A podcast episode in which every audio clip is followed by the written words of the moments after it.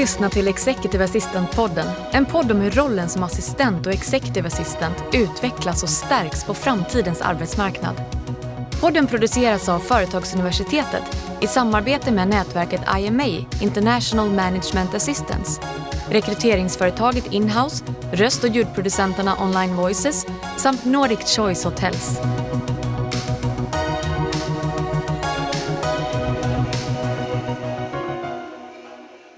Välkommen till Executive Assistant-podden där vi pratar med världens bästa kollegor om världens bästa jobb. Jag heter Daniel Kjellson. Sällan i poddens historia har frasen “världens bästa kollega” ringt mer sann än idag. Med mig i studion står nämligen Maria Riscado, Executive Assistant på Volvo. Välkommen Maria! Tack! Du, hur man än introducerar dig så gör man det inte rättvisa. Det är så jag känner nu. Ehm, men, men låt mig i alla fall säga, jag brukar avsluta de här samtalen med att tacka folk hit och dit. Men jag tänkte jag ska börja med det nu, för att du har varit en, under årtionden så tycker jag att du har varit en viktig och inflytelserik kollega i arbetet som jag bryr mig mycket om, vilket är att lyfta den här rollen, professionalisera den och skydda den också. Så som sagt, istället för att det ska vara det sista jag säger, så låt oss börja där, tack! Gud, tack! Tack själv! nu sätter vi igång! Ja, det gör vi. Hur mår du idag? Jag mår jättebra. Mm, strålande.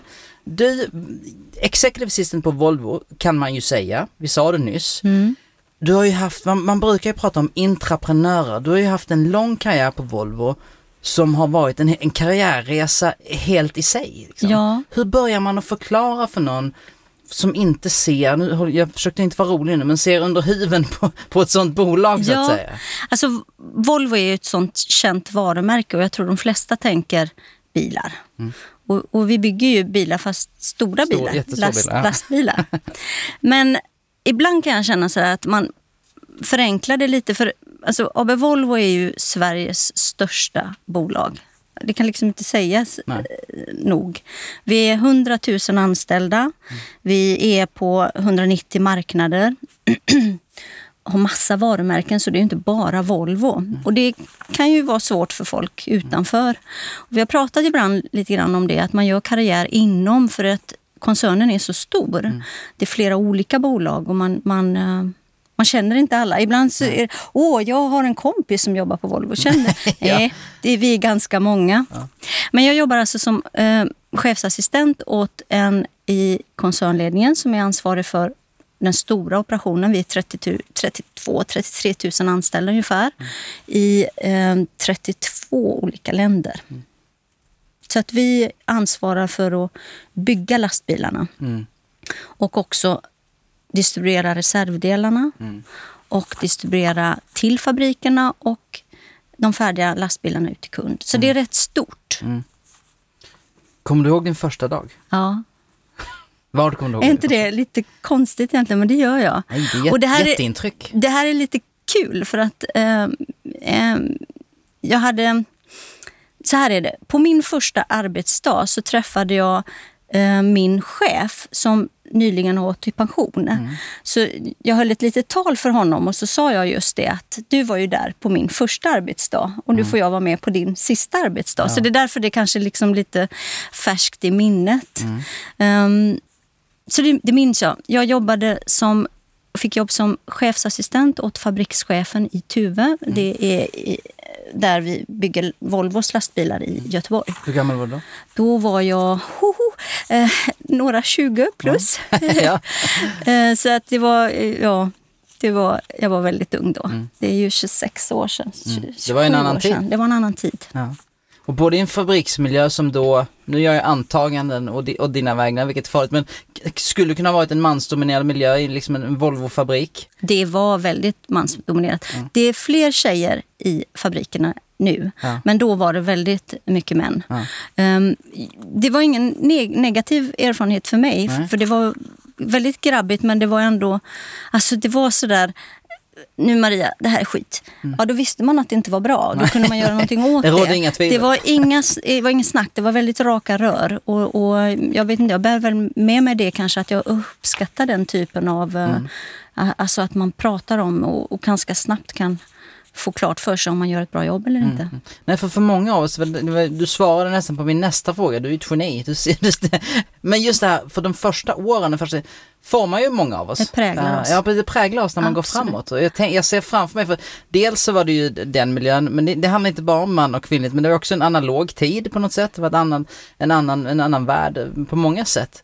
Och, och nu har du sett organisationen utvecklas under ett par år då, och såklart rollen, och Ja. hur den ses på. Men, men det som jag tror att jag har burit med mig mest, det är ju att är du i en fabriksmiljö så har du en naturlig puls.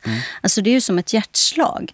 Du vet varför du är där, det kommer ut lastbilar med en viss frekvens. Så det, det är tydligt varför och vad som är viktigast där. Men som assistent så kan jag ju säga att då, då hade jag, eh, jag var assistent åt, åt fabrikschefen och jag, nästan alla cheferna i ledningsgruppen hade varsin assistent. Så är det inte idag. Min kollega som då har den rollen idag, hon är ensam. Jag tror att det kanske finns någon mer assistent. Jag är inte riktigt säker, men jag tror att hon är ensam. Och det är inte ovant att man har en assistent i en fabrik och då är det kanske två eller tre tusen anställda på en sån enhet. Så det, är ett- fortfarande Wow. ett stort jobb. Ja. Men eh, det är inte lika tätt mellan assistenterna på den nivån längre. Nej. Varför, varför, varför är det så? Vad Jag, jag det? vet faktiskt inte riktigt. Nu börjar jag fundera i realtid, det är också farligt. Nej men jag tänker mig på så här, chefer finns ju också färre och färre för att man blir chef och man naturligt rör sig upp i en, i en organisation. På något sätt om det är så som jag tror att vi båda tror på att, den, att assistenten blir mer som en business partner, att man utvecklas, så kanske det också i viss del av den att det blir färre är naturligt för att man rör sig uppåt i organisationen, men jag är inte säker på det. Nej, och jag kan säga så här att utvecklingen går ju att man lägger mer och mer ansvar på chefen. Och en linjechef i en produktionsenhet kanske har liksom mellan 30 och 40, 45 anställda. Du ska göra utvecklingssamtal och du ska planera liksom lö- Alltså det är väldigt mycket som ligger på en första linjens chef. Ja. Och de är ju oftast självstyrande och har inga assistenter. Nej. Så det, det, det, det skulle behövas kanske fler assistenter. Visste du någonting om assistentrollen innan du började? Ja, innan jag började på Volvo. Ja. Ja. Jag hade ju jobbat några år innan dess. Eh, Men då mera som avdelningsassistent eller Mm. liksom eh, på lite kortare uppdrag. Man inser ju nu, herregud vad grön man var egentligen. Men, Det var vi alla. men eh, nej, jag visste nog inte riktigt hur det var att jobba för en ledningsgrupp på det sättet. Nej.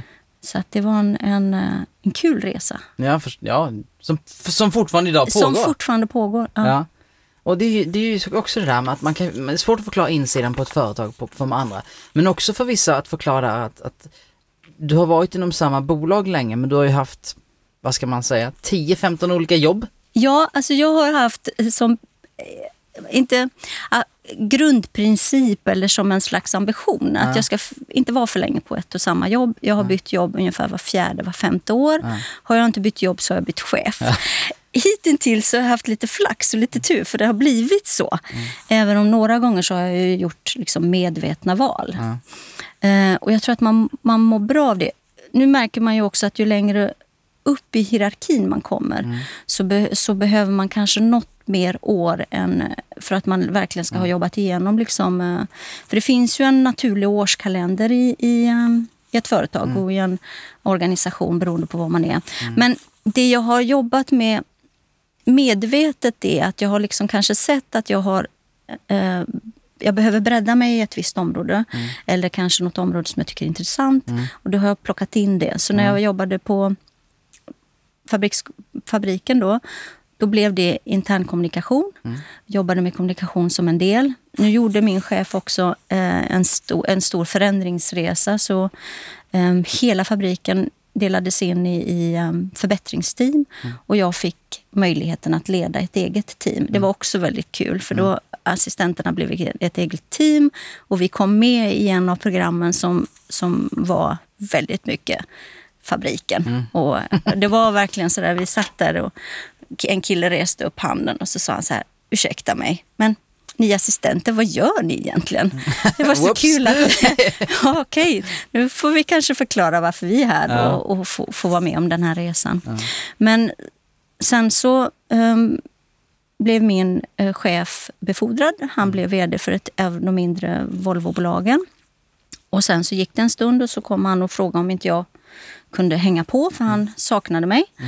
Och då blev det ju ett mycket det var ett mindre bolag men det var en helt annan atmosfär. Det var liksom styrelse och det var styrelsearbete och, mm. och den årskalendern. Då fick jag ju försöka bredda mig i det hänseendet. Att mm. lära mig hur den årsklockan ser ut och, och, och ha liksom det i, som en del av det. Mm. Efter det jobbet så jobbade jag för en CFO mm. på Volvo Powertrain. Mm. Och Powertrain är ju själva kraftpaketet i en... Alltså motor, drivlina, mm. växellåda. Um, så då bildade man hade ett eget bolag, eller ja. hade då ett eget bolag, det har vi fortfarande. Men i alla fall. Så ekonomichefen behövde en assistent, så då var det ju det. Mm. Då var det så här, oh ja, bokföring. Mm. så då lärde jag mig det. Ja. Um, men så kände jag samtidigt att mm, det här med internkommunikation var ju lite kul. Mm. Men då hade jag ju gått med i Joma, som det hette då, IMA. Mm. mm. Så då tog jag rollen som PRO, alltså ansvarig för eh, den delen. Så jag höll lite mm. kvar vid det. Och sen så blev jag eh, nästa omgång, efter fyra år då, mm. så blev jag vd-assistent för eh, vdn på Powertrain. Mm. då kände jag att jag ville inte släppa ekonomidelen. Och då blev jag tillfrågad att bli kassör, treasurer, mm. för IMA Sweden. Så då höll jag liv i det det var jag väldigt länge för det var ingen som ville... ingen, det, var ingen, det var ingen slagsmål om den positionen? Det var inte sådär att det, folk slogs om att ta Nej. över efter mig. Så det blev några år med, med um, bokföring för IMA. Men det var också väldigt roligt. Ja. Och det jobbet hade jag då ända fram till slutet på 2011. Mm. Och där kom då en ny koncernchef och man väljer att göra liksom en helt stor förändring mm. i Volvo. Man samlar all produktion i en och samma eh, organisation. Mm. Group Trucks Operations, alla lastbilsproduktion i en och samma. Mm. Så både Renault som vi bygger, vi bygger Renault-lastbilar, vi bygger Volvo-lastbilar. Tills för några år sedan UD Trucks, alltså den eh, japanska delen av vår verksamhet. Och givetvis USA, Mac. Mm. Mac är ju det äldsta varumärket. Mm. De har ju funnits väldigt många år. Mm. Och då insåg jag att um, kanske också var det därför han anställde mig, mm. eh, min chef. Att jag hade ju liksom produktionen. Mm. Och sen hade jag ju logistiken som mm. var mm. första mm. vd-jobbet. Powertrain mm. som var en del av. Så det var ju liksom fem bolag som blev in i det här. Och ja. Där har jag varit kvar. ja, ja, eh, ja. Det är knappt så att det känns som att du varit kvar för att det har förändrats så mycket ja. hela tiden. Och, och det, ett par saker som jag vill, vill bena ut här som jag tycker är fascinerande det låter ju som att du har medvetet eller inte ibland av händelser men, men satt dig i nya situationer inför nya utmaningar och så har du utvecklats. Istället för att i teorin ha tänkt så men nu ska jag kanske lära mig lite bokföring. Så, så fanns, fanns det framför dig, okej okay, nu måste jag förstå det här bättre för att kunna göra mitt jobb. Och sen har du liksom i din kompetens tagit des, de stegen hela tiden. Precis så det, har det varit. För, för, det, jag ska bara säga det också för att rama in Du opererar ju på högsta nivå globala högsta nivån idag. Så, så enkelt är det ju.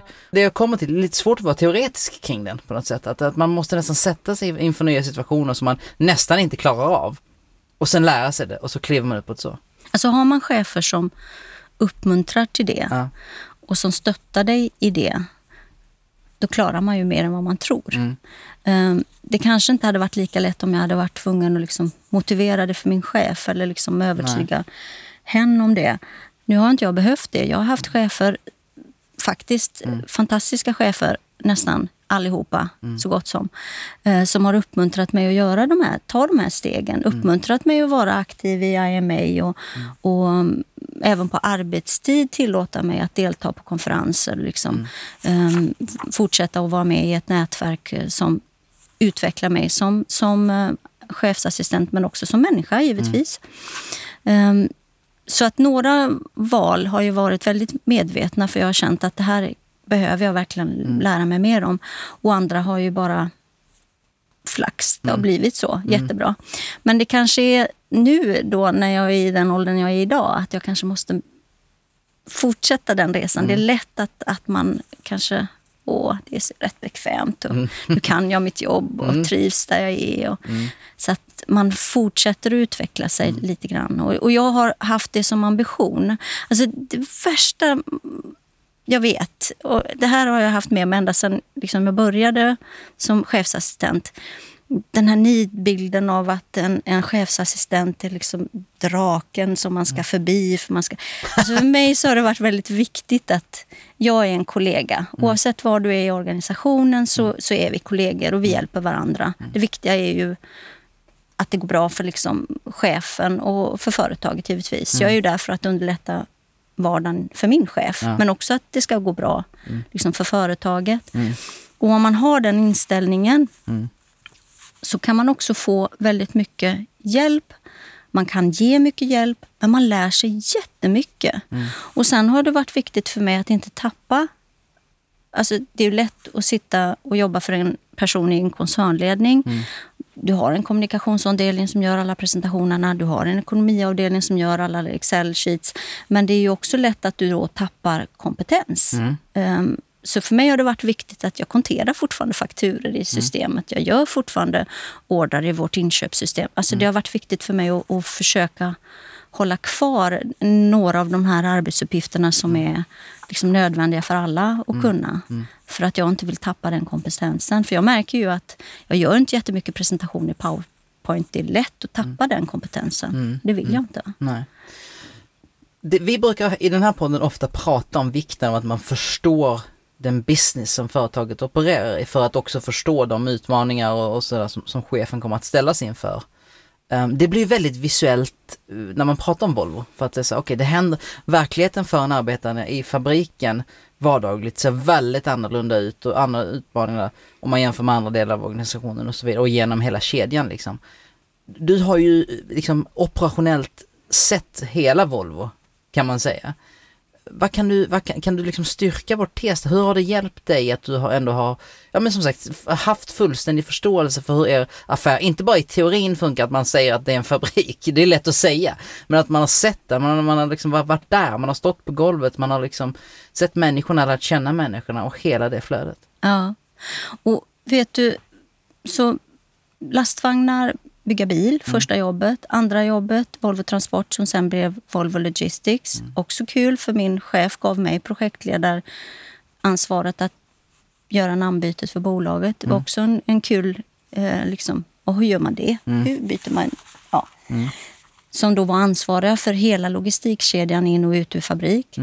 Sen Powertrain som då eh, var ett verkligen globalt. Ibland pratar man globala företag, men vårt, vår ledningsgrupp hade en japansk chef, hade en eh, fransk chef. Alltså det var verkligen superglobalt. Så när sen Group Trucks Operations bildats och alla de här elementen kom in så hade jag, jag hade ju redan, alltså den här resan som jag hade gjort, den var ju en fantastisk skola för mig. Jag hade ju redan globaliteten, jag förstod redan liksom, även om jag kan säga att powertrain, där var det verkligen motorer, den 8 liters motorn och sex, det, det var fruktansvärt tekniskt och väldigt svårt. Där, de åren kände jag verkligen att det var svårt. Alltså i en produktion så är det Ja, lätt ja. att förstå. Ehm, Hade du kunnat laga en lastbil? nej, det, jag, jag har kört en jag vet lastbil. knappt hur en lastbil ser ut. Innanför- och, så att powertrain, då kämpade jag verkligen för att liksom hänga med på ledningsmötena och förstå liksom all teknik. Så när vi kom till GTO, och det, då blev det återigen klart för mig. Och jag förstod liksom att okej, nu är det färdiga lastbilar vi bygger och nu är det kedjan i logistiken och reservdels... Nu, nu hänger jag med igen. Ja. Nu förstår jag vad de pratar om igen. Ja, ja. Det var fascinerande. Um, vad är du bra på? Alltså jag tror väl att min styrka Väldigt ligger mycket, i... men- Jag tror att styrkan ligger nog i det. Att, att kunna förstå... Alltså min chef ska inte behöva tala om för mig vad som är viktigt för honom. Jag ska veta det. Ja. Ehm, och vara en del i det liksom flödet. Mm. Eftersom jag då har förmånen av att verkligen tillhöra ledningsgruppen, vara med på alla mötena.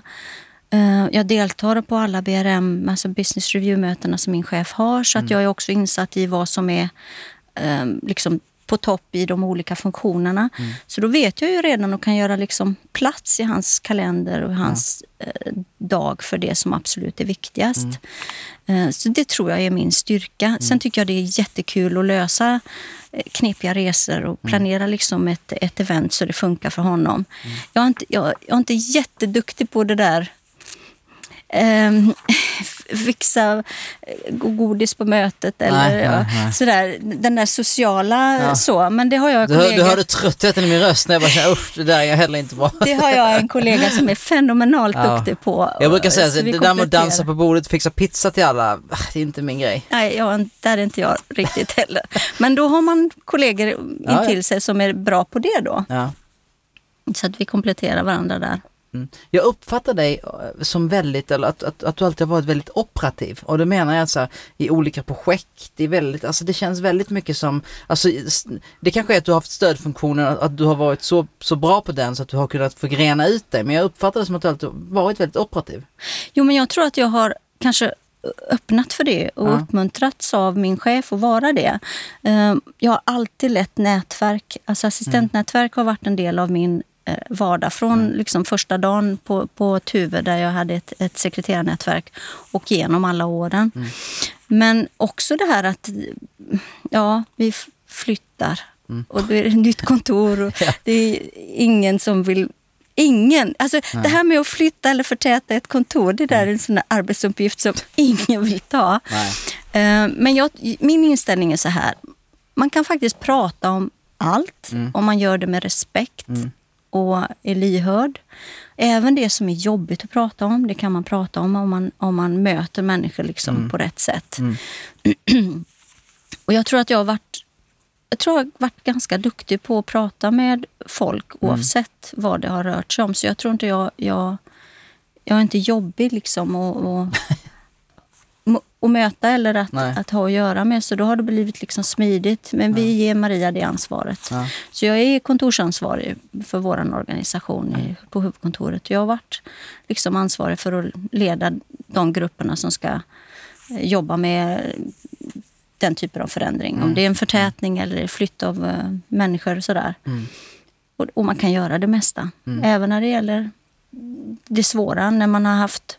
Menar 2008 hade vi ju lågkonjunktur. Det var ju jättemånga som fick liksom, lämna företaget. Och hur löser vi det på ett bra sätt som assistenter? Och Hur tar vi hand om, om eh, att, att våra chefer ändå får ett bra, en bra support? Mm. Mm.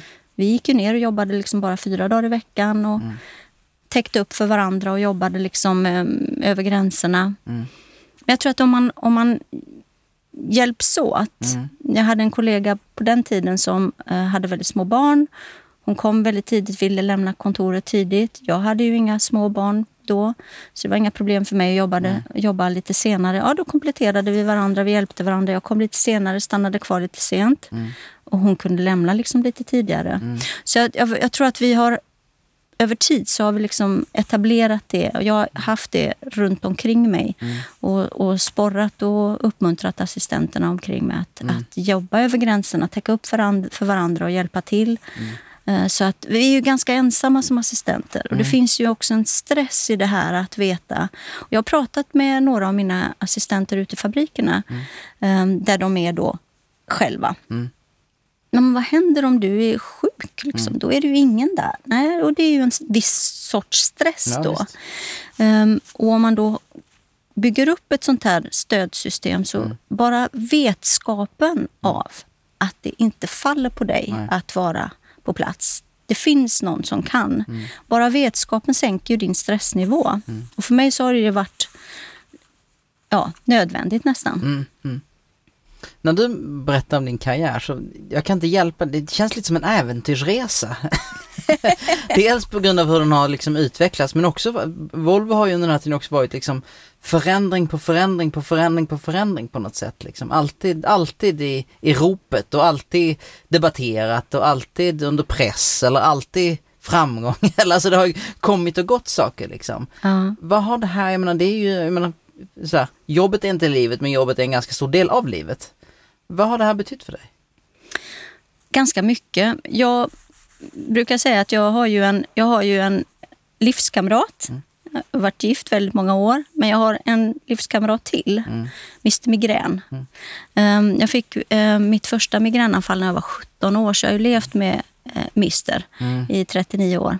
Och han är ju inte jätteschysst. Han Nej, dyker ju upp inte. när det inte alltid passar Han ger så inte bra. så mycket tillbaka. Nej, det, nej det, man kunde varit utan han han säger jag, ja, för det är en han. Ja. Ehm, men i början så var det sådär, man är ung och man vill liksom visa att man duger. Och, och um, Min migrän i alla fall är ganska vanlig migrän. Alltså den, den kom liksom efter en viss tid av, av på, påfrestningar, så att säga, stress. Så, så den kunde komma liksom på lördag morgon, den kunde komma första dagen på semestern, eh, julafton, vet, du vet sådär. Ja. Och jag hade tur, för jag hade en, en eh, jättebra läkare så jag fick en väldigt tidig diagnos, jag fick bra medicin så jag kunde liksom hålla det i schack eh, väldigt tidigt.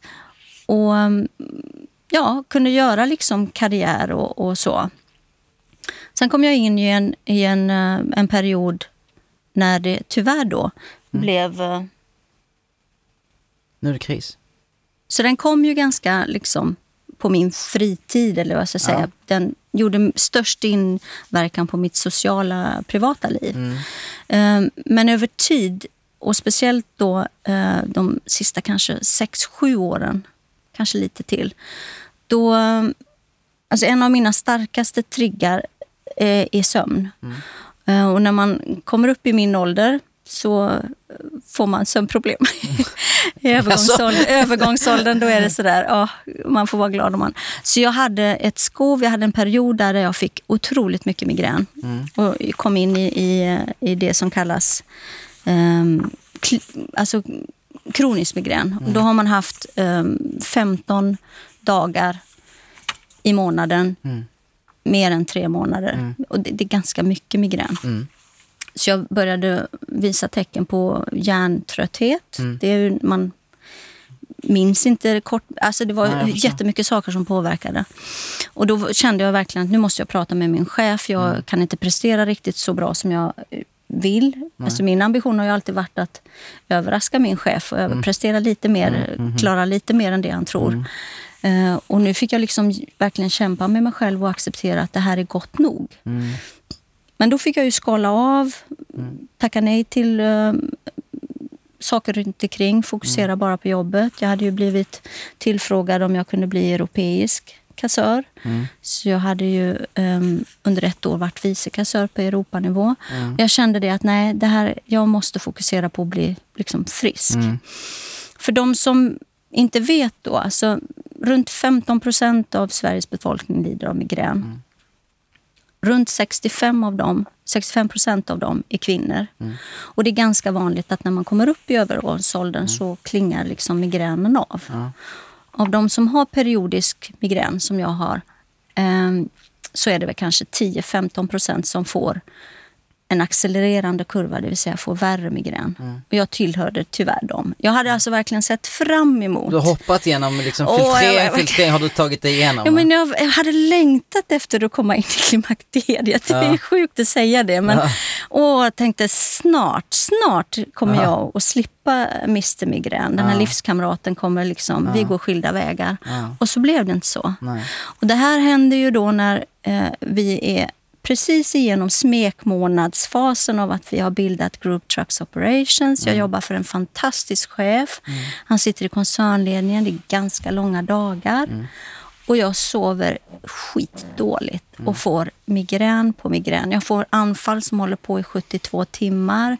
Mig- det, grejen är den att till slut så är ju din kropp så sen, liksom känslig för så minsta lilla grej triggar ett migränanfall.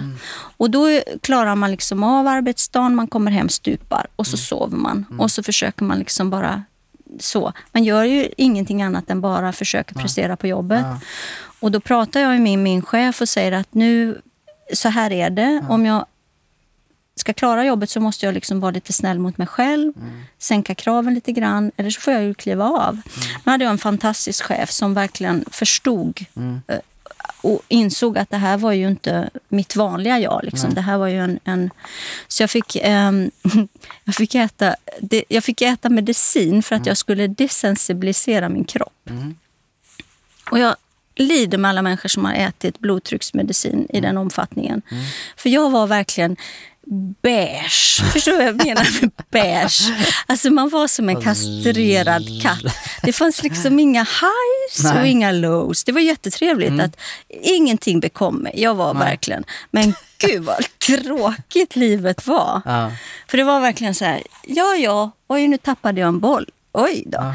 Eller någon kunde vara liksom taskig mot en och man, alltså det var Så verkligen är så här. Jag tror vi störtar. Oh my god. Det var inget kul. Men uppenbarligen så behövde jag göra det här, Ja. liksom rensa ur och så fick jag prova lite olika medicin. Mm. Och jag har verkligen provat alla, alla varianter som, som man har inom migränforskningen.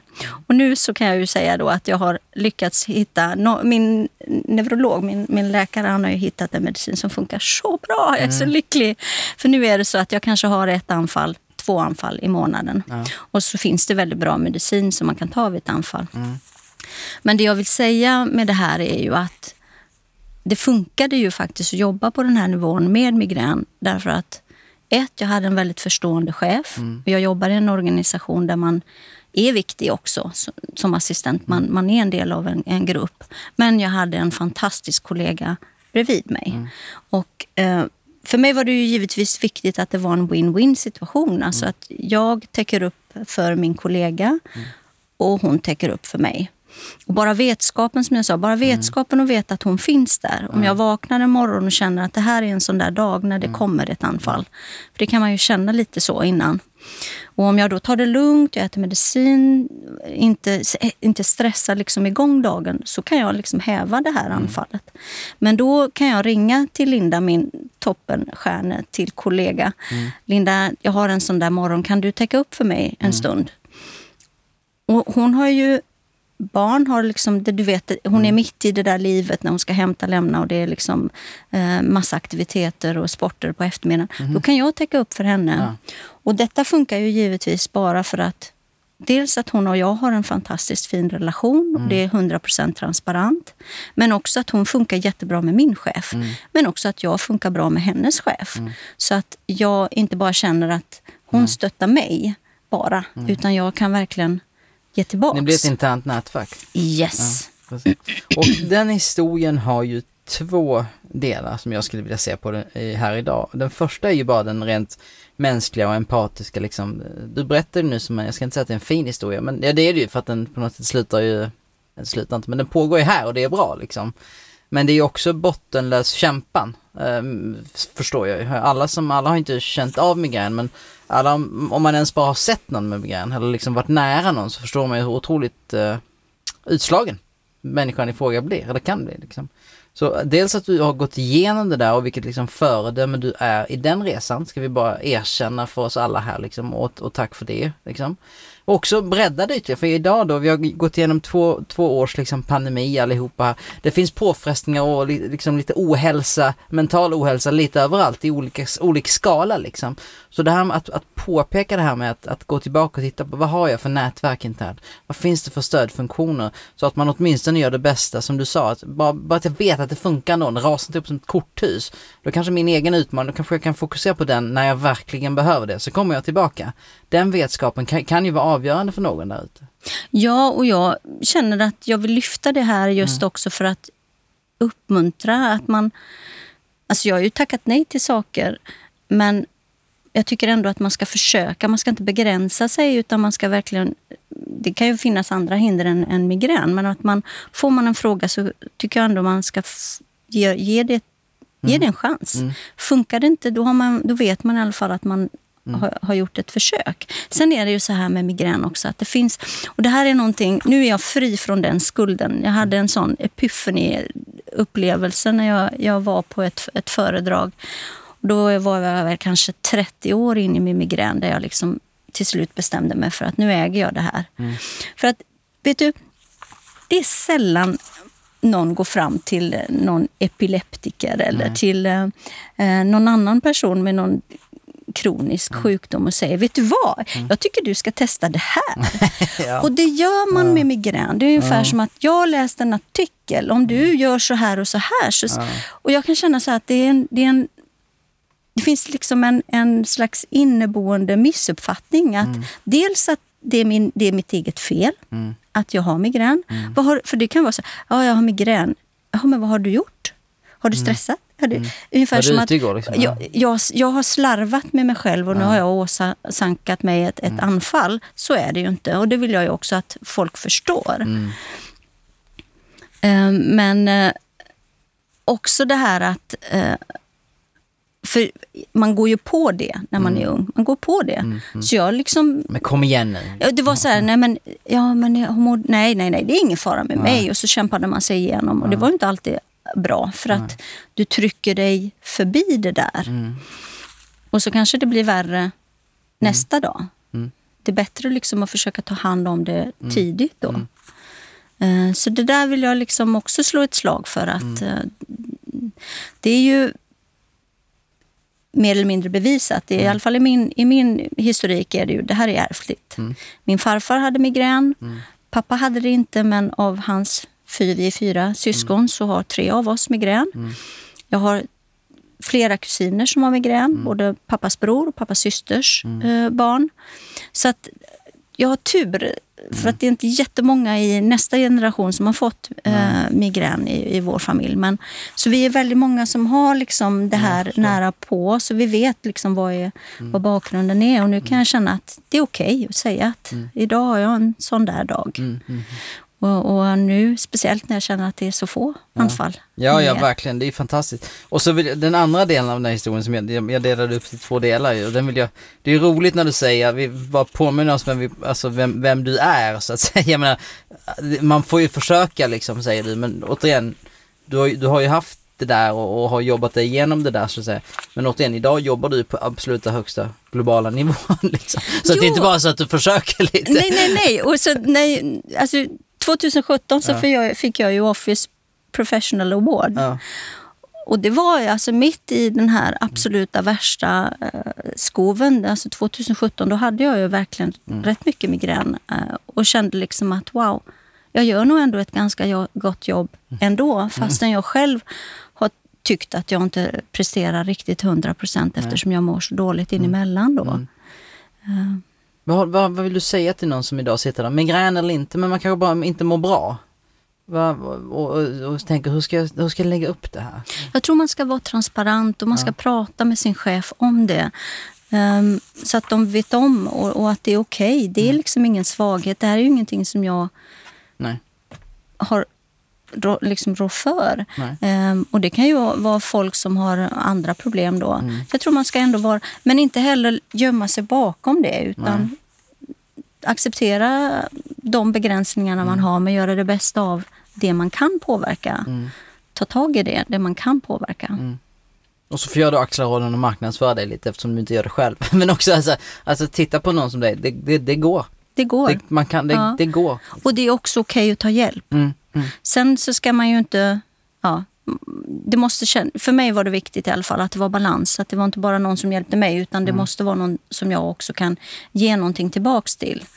Eh, jag tror att alla vinner på det i så fall. Mm, verkligen. Du, under de här åren så har ju som sagt inte bara Volvo förändrats, rollen och, och synen på rollen men även rollen har ju också förändrats. Vad, vad, vad, har, vad har du sett och hur har du tolkat det du har sett och vad tror hur tror du att det kommer fortgå? Alltså, vi står ju verkligen i sån här... eh, Vi har ju fortfarande kvar en del kollegor som, som vill jobba på det gammaldagsa sättet. Eh, och jag tror inte det håller så länge att göra så. Nej. För att det går för fort. Du måste... Det är det jag känner när vi pratar proaktivitet och det är ju så mycket det vi pratar om när man pratar om en EA som gör ett bra jobb. Du kan inte vara proaktiv om du sitter och väntar på att Nej. Du ska utföra någonting, utan du måste agera i förväg. Så att de assistenterna som sitter och väntar på instruktion eller... Det håller inte. Nej. Det tror jag är den stora. Sen vet jag också att vi har pratat om det här med att eh, nu har man liksom de tekniska hjälpmedlen så man kan liksom jobba lite på distans och sådär. Det är ju också jättebra. Alltså jag kan kolla mejl när jag satt i bussen nu på väg hit. Ja. Jag kunde kolla mejl och ändå lösa en eller två. Det är också...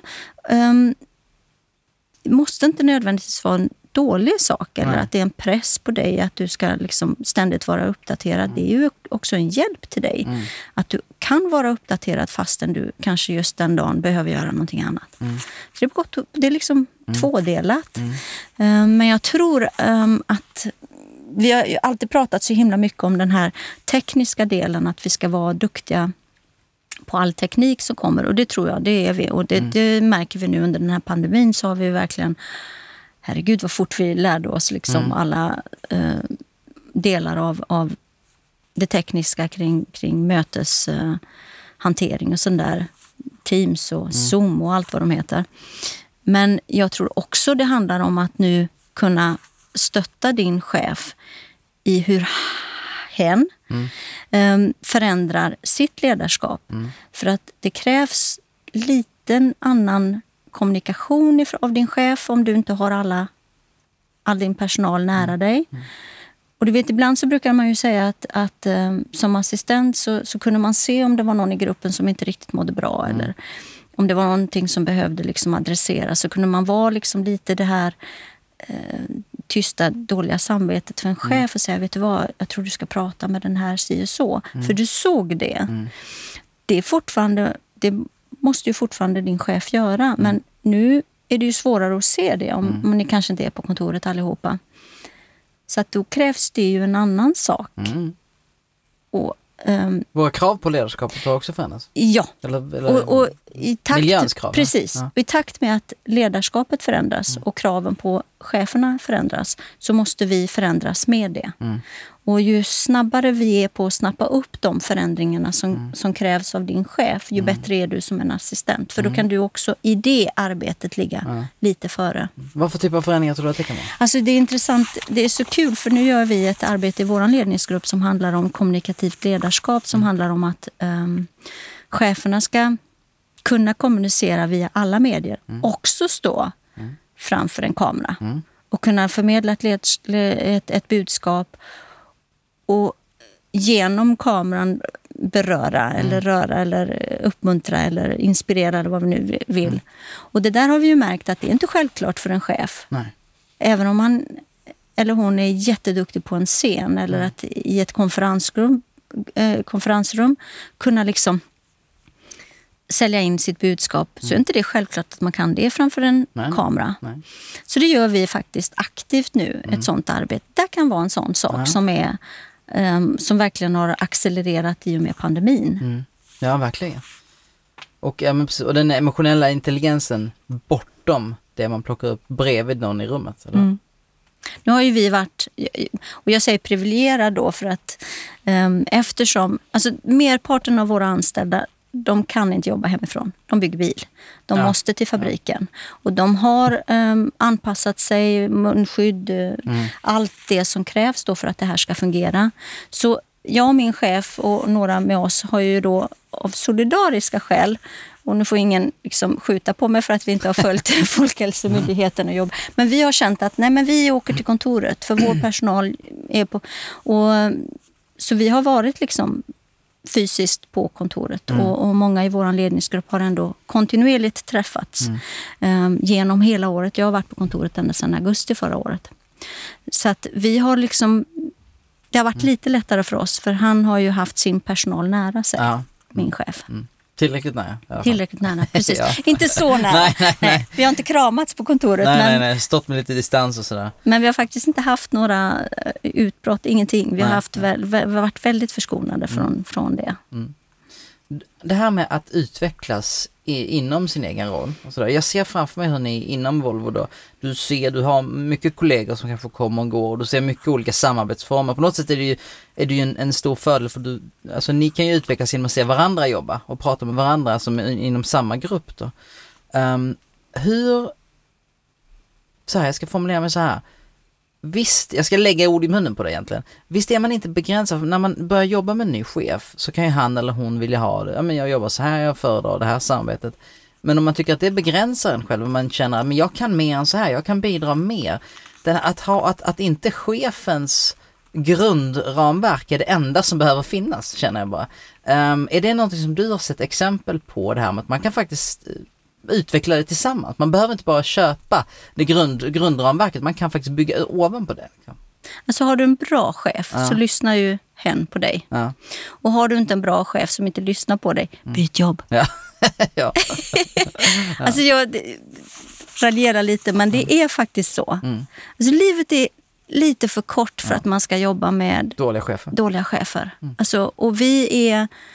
Speciellt i den här rollen. I den här rollen så är... Och, och det finns inte jättemånga um, bra... Eller jag ska formulera mig annorlunda. Jag ska säga så här. Bra chefsassistenter är i bristvara. Så det, man har råd att byta chef. Ja. Du ska välja chef. Och för mig så är det viktigt att min chef, eller jag delar eh, min chefs värdegrund. Om vi har samma värdegrund, om vi har samma princip, eh, vi ser människor på samma sätt, då blir livet jättemycket enklare. För då vet du att det du instinktivt känner att vi borde göra, det är förmodligen det han också känner i magen att man borde göra. Om man ständigt måste förklara för sin chef varför och hela tiden driva på, då har man inte samma värdegrund. Och då kanske man ska fundera på, nu säger jag, det är inte, det är inte alltid man kan byta chef, Nej. men alltså livet är lite för kort för att man ska hålla på och uppfostra sin chef. Det känner jag i alla fall. Nu har jag haft sån himla tur, för jag har, har jobbat med så himla bra chefer och har en fantastisk chef idag, hade en fantastisk chef dessförinnan och dessförinnan också. Så att jag, det, är- det är lätt för mig att säga så för att jag har haft en chef som, som har förstått mig och som har lyssnat på mig. Men min chef som jag har idag har jag inte jobbat med mer än ett år. Ehm, och ehm, han hade också sitt sätt att jobba på. Och då är man i början så här att okej, vi gör så som du säger. Och ibland så sa man att vet du vad, jag tycker inte vi gör så. Jag tycker vi gör så här, kan vi testa det? Och sen så gick det en gång och så var, vet du vad Maria, det kanske var Nej, men vi gör så som du sa. Det var faktiskt ganska bra. Så att man får också tro på sig själv och sin kompetens och våga testa och våga ifrågasätta. Och har man en chef som, som är lite lyhörd och faktiskt vill att det ska vara jättebra eh, så kommer det ju att falla rätt ut. Hur viktigt har det varit för dig att respektera din chef? Det är jätteviktigt. Jag vill inte bara respektera min chef, jag vill se upp till min chef. Min chef ska vara... ty- han ska vara så... Hon eller han. Jag har ju bara haft han. Jag, Ja. jag insåg ju det förut att jag har aldrig jobbat för en kvinnlig chef. Så det är det som är kvar nu. Då. Ja. Men ehm, jag vill ju... Du har varit diskriminerande i din Ja, ja, ja, precis. Jag har haft, det kanske är naturligare så i den miljön som jag verkar, att det kanske är fler män. Men faktiskt vår ledningsgrupp är 50-50. Vi har lika mycket kvinnliga chefer som manliga chefer, men min chef är en manlig chef.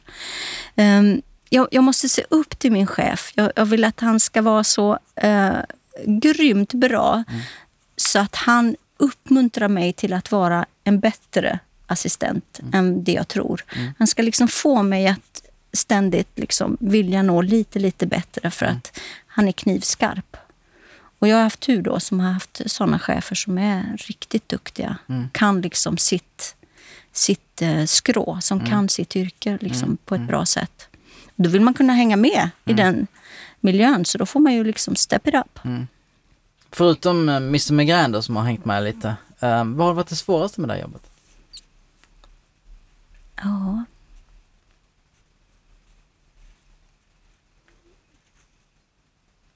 Jag tror inte det är någonting som har Nej. varit riktigt svårt. Nej. Nej, jag tror inte jag kan säga sådär någonting som har varit riktigt svårt. Jag tycker migränen har varit svår nog så den Ja, nej men precis. känner jag att den har liksom... Du har inte behövt det mer Ja, liksom. jag tycker det har räckt. Eh, Du nämnde ju Yuma och IMA innan. Vad, har- vad har det betytt för dig? Alltså det har varit, och jag kan säga så här, när jag gick med i, i Joma som det hette på den tiden, då var jag ju småbarnsförälder och hade inte jättemycket tid. Och um, Barbro som hon hette, som var ordförande i West, hon, hon sa, men Maria, gå bara på de aktiviteterna som du tycker är kul, som ger dig någonting. Känn ingen press liksom att vara med. Och det var precis det jag gjorde.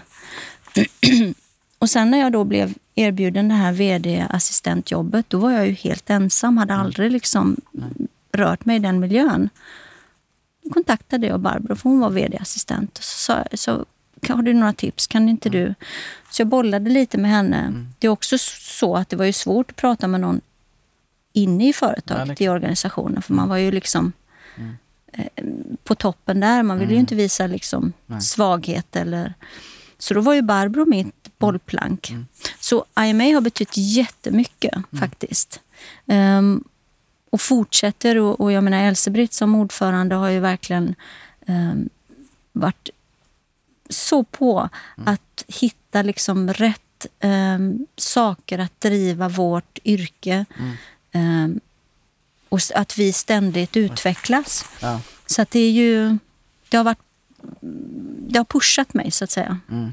Och sen är det ju kul alltid med nätverk där man pratar med folk som förstår vad man håller på med hela dagen. Ja. Jag ser lite kul nätverk överhuvudtaget. Jag brukar Ja. säga när man går in i receptionen ibland på, på event så gungar ju hela stället. Liksom. det är mycket energi. Det är jättemycket energi. Ja, precis. Eh, Jag sa inledningsvis att du också har varit engagerad och, och ehm, inom anställningstryggheten.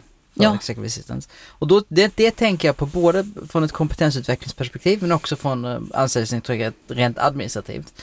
Den första frågan på det ämnet är egentligen, om jag då, när jag, när jag jobbar med min chef, representerar jag chefen som person eller representerar jag bolaget? Det är en klurig fråga. Det är lite kul, för min första chef, Håkan hette han, han sa det faktiskt. Han sa det till och med mig i i samband med en intervju. Mm. Och han sa, eh, Maria, är du lojal mig eller är du lojal företaget? Det är lite svårt det där. Man jag ju- här Man nu. ville ju gärna ha jobbet sådär. Ja, det är klart. Och då så svarade jag så här. Tänk nu på att jag var inte ens 30 fyllda. Nej. Alltså, så länge du är lojal företaget så kommer jag ju vara lo- lojal dig. Wow. är Eh, filmreplik nästan. det tyckte han väl var bra då att jag sa så. Men det är faktiskt så att om du ser att din chef gör någonting som inte är rätt, då måste du säga ifrån. Mm. Jag menar alla företag av den här storleken har ju whistleblower, pr- allt det där. Ehm, för du är ganska utsatt som assistent. Du är ju väldigt ensam. Du är inne i system som du egentligen inte är som dig själv, utan du är egentligen din chef. Ja. Du kanske godkänner saker och ting som är ganska mycket pengar. Alltså det, finns, det finns en uppsjö av det här. Men det jag tror att du menar och som jag vet eh, kanske har pratats om också, för det här är en fråga som jag har drivit i, i, i, eh, i mitt nätverk i alla fall i, på Volvo. Det är ju det att man ska inte vara livegen. Alltså som assistent så ska du ha en anställningstrygghet.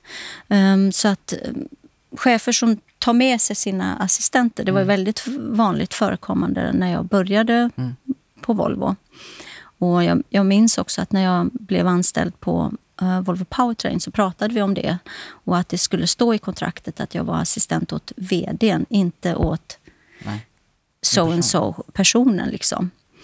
Ehm, så det har jag, det har jag nog drivit. Och så, så tänker jag så här, sen är det ju så att ingen assistent vill jobba för en chef som det inte funkar för. Det är liksom ett självsanerande system. Så att om, om jag är anställd för att vara vd-assistent, du är ny vd, du kommer. Du har egentligen en assistent som du har jobbat med jättemånga år som du trivs fantastiskt bra med. Ehm, all heder åt det. Men jag får ju ingen chans att visa vem jag är om inte du och jag jobbar tillsammans. Så min rekommendation, min jag tycker att då jobbar du och jag tillsammans kanske tre, fyra, fem månader. Funkar inte det, då bestämmer vi att vet du vad, vi hittar en lösning för dig Maria. För det är ju inte chefen som byter jobb, det är ju assistenten som byter jobb. Och så hämtar du din assistent. Men då har jag ändå i alla fall fått en chans att visa vem jag är. Och om jag kan det här jobbet och, och kan bring something to the table. Alltså ha med mig någonting som, som du kanske också behöver. För det är också så att är man, är man två nya på ett helt nytt företag så kan det ju vara ganska... Du, du, som chef är ju också ganska utsatt. Så det är klart att om du kan ta hjälp av en assistent som är på plats och som redan har ett nätverk uppbyggt, som redan vet alla rutiner och som kan hjälpa dig i övergången. Sen kan ni bestämma att, vet du vad, jag behöver någonting mer. Min, när jag gick min sekreterarutbildning och så gjorde jag en praktikplats så fick jag chansen att följa en chef som då skulle bilda ett bolag. Detta var eh, Volvo Cars Asia, hette det. Håkan hette han. Han var alltså egentligen ekonomichef på sin gamla funktion, fick möjligheten att bilda det här bolaget. Mm. Jag minns än idag vad han sa till mig när vi hade, du vet, hjälpte honom igång. Liksom, vi hittade ett kontor och han flyttade och han skulle anställa personal. Så, så skulle vi bestämma. Liksom. Och jag kände ju liksom att han, ja, han ville nog anställa en assistent. Så han mm. satte sig och så, så Maria, Alltså du är ju helt ny grön. Jag hade precis kommit ur skolan. Och jag är ju helt ny. Mm. Jag behöver ju liksom en assistent som kan det här. Mm. Och du behöver ju en chef som har gjort det här ett par gånger. Mm. Som kan ge det. Alltså det var så mm. skönt. För mm. det var verkligen... Han, han satte verkligen mm. huvudet på spiken. Heter det så? Ja. ja. ja. Eh, för det var precis det jag kände själv. Mm. Han behöver någonting mer än det jag kan ge just nu för mm. jag är alldeles för, för grön. Mm. Och vice versa som han Och vice versa. Så han behövde, och, och återigen det här med rak kommunikation, mm. att ha en dialog, mm. inte gå omkring och liksom mm. undra utan då kunde, ja men då gör vi en annons också för en assistent och, och jag söker mig vidare. Så det var inte Håkan som gick vidare inom Volvo? Nej, detta Nej. var en annan Håkan. det, det är, Storytellingen, ja. Volvo är stort ja, jag vet, ja. Och detta var Cars, mm. Volvo Cars. Jo, men du har ju jobb, du har jobbat med uh, Volvos stora ledare genom åren så att ja, säga. Ja, men, men um, så jag tror att uh, jag så att säga, jag har gjort liksom båda delarna. Följt mm. med en chef eller tagit emot en chef som har kommit. Nu de mm. sista tre cheferna har ju en lämnade Volvo och mm. sen så kom Janne som då eh, kom ur vår egen organisation. Mm. Han gick i pension, så nu har jag ju Jens. Um, så det har varit liksom en naturlig... Ja, jag har inte behövt vara orolig än så länge. Uh, men det har fungerat jättebra, för det har mm. varit fantastiskt bra chefer. Jag tycker en intressant vinkel är där att, att också ställa sig frågan, eh, anställningsstrategin är vi inte riktigt klar med, för det, du, har, du har rätt. Jag tycker att det är fascinerande för att i den här podden så uh, pratar vi ju hej vilt om alltså att rollen blir mer senior, den blir mer strategisk och det är inte konstigt om någon kommer in och säger men jag har jobbat med den här människan i, i, i tio år nu, vi är ett team, jag vill verkligen ha med mig. Så på något sätt så vill vi supporta det också för att det är ju den teammedlemmen som vi vill bli. Och samtidigt så, som du säger så är man ju inte livängen, det kan ju inte bara accepteras hux flux. Det är inte så att man tar med sig en, en väska liksom, utan det, det, det håller jag helt med. Så det är lite, lite komplicerat där, det, vad man ska tycka och tänka, förutom att vi såklart ska ha anställningstrygghet, det är A och O liksom. Um, men det jag skulle komma till min, min segway här, just det här med alltså ens egen kompetensutveckling.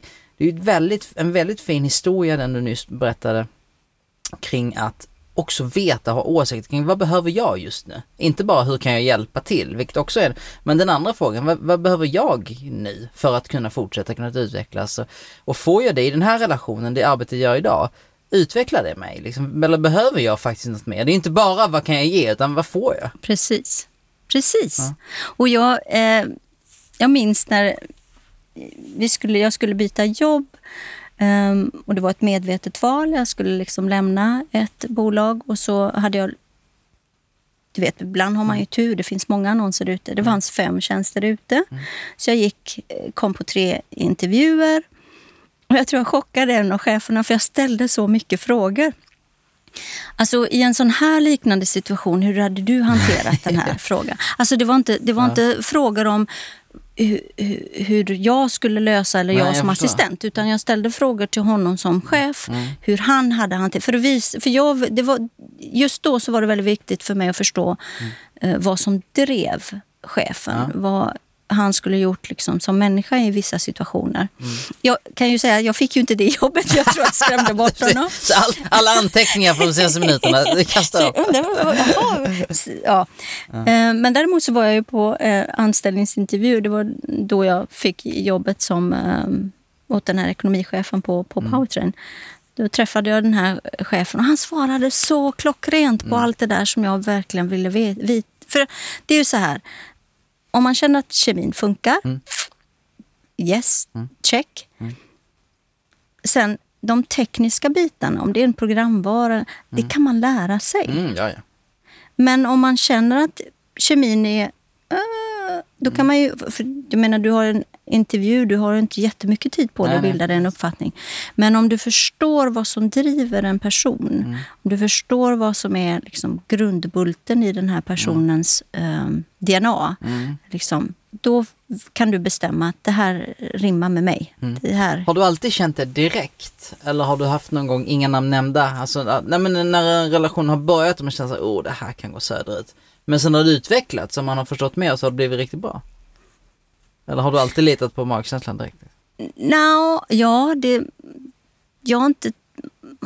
Jag tror nog väldigt gott om alla. Men jag är liksom lite sådär godtrogen. Så jag tror alla, får, alla är så schyssta så. Ja. Så visst har man gått på någon nit så, men inte, inte bland cheferna. Nej. Däremot här, den här chefen som jag då valde, Mm. det var verkligen sådär, mm, yes, vad klockren. Han lämnade ju efter sex månader. Ja, Så det var verkligen så här, men vad fasen, nu har jag ju valt ja. dig. Får intervjua om nästa? Och så tänkte jag så här, nej nu ska jag inte, nu ska jag inte ha en förutfattad mening om, av hans ersättare. Och vet du vad? Han som kom efter var ju ännu bättre. Oj, wow. Så det blev ju bara så himla, Ja, så himla rätt. ja. Ehm, så att på Powertrain när jag jobbade för min eh, chef eh, då, så blev det ju ett halvår med han som jag valde Ja. och tre och ett halvt år sedan med han som jag fick till Valde mig. sen. Och det blev så himla rätt. Fantastiskt, vilken historia. Om vi ska försöka knyta ihop det här nu Mm. tillsammans. Titta inte på mig. Ehm, jag vill slå ett slag för uh, intrakarriären, om vi säger så. Det här att inte underskatta karriärmöjligheterna inom samma bolag och utvecklingsmöjligheterna inom samma bolag. Allt det, man behöver inte acceptera alla situationer utan man kan faktiskt utvecklas och växa inom en och samma organisation. Vikten av att välja chef bygga ett, ett, ett stöttande nätverk runt sig själv på jobbet och kanske utanför via, via en aktör som IMA och, och personligen och så, så att man har fler pålar att stå på så att säga, om det skulle börja själva. Ehm, och vad har jag missat? Var ödmjuk kanske. Ja, Var transparent. Prata transparens, och ödmjuk. ta hjälp av de som du har runt omkring dig. Men Mm. också ge. Mm, Och um, lyft dem du har omkring dig. mm, Det finns ju så himla mycket duktigt folk. Um, duktiga assistenter. mm, mm. Och du, jag vet att sen när du, din förra chef som ju gick i pension, du berättade, du började nästan det här avsnittet med att berätta om, om, om, om talet och om, om den, om det festen så att säga. Ehm, och det här med att arbeta åt någon, lärdomen kring att arbeta åt någon som inte har någonting mer att bevisa, som bara kan, bara kan jobba och ge värde. Ja, Man kanske ska försöka bli lite mer sån mitt i karriären. ja, Förstår du? Och, vad jag menar med det för, för att fylla historien så här. Ibland så är det tuppfäkteri och ibland måste man bevisa och det, det, är- ju rent, rent mänskliga drifter så här. Men ibland så träffar man människor som, som kanske har bevisat tillräckligt och som bara kan fokusera sig på, på att leverera och ge andra och, och stötta och bygga andra. Och, och, och det upplevde du genom din förra chef. Ehm, och kanske, men vi kan göra det åt varandra hela tiden. det tror jag. Det tror jag. Och jag tror att det kan vi göra massa sammanhang. Mm. Inte bara på jobbet utan som, som medmänniskor också. Att ge av din tid men också ge och lyssna. Mm. Alltså, det finns så mycket bra människor runt omkring oss. Verkligen. Inte minst i studion just nu Maria. Ja, Du är en, du är en stor inspirationskälla. Eh, tack för allt hårt arbete och tack för att du fortsätter vara och tack för att du var här idag. Åh, tack för att jag fick komma. Du har lyssnat till Executive Assistant-podden producerad av Företagsuniversitetet i samarbete med IMA, International Management Assistance, Inhouse, Online Voices och Nordic Choice Hotels.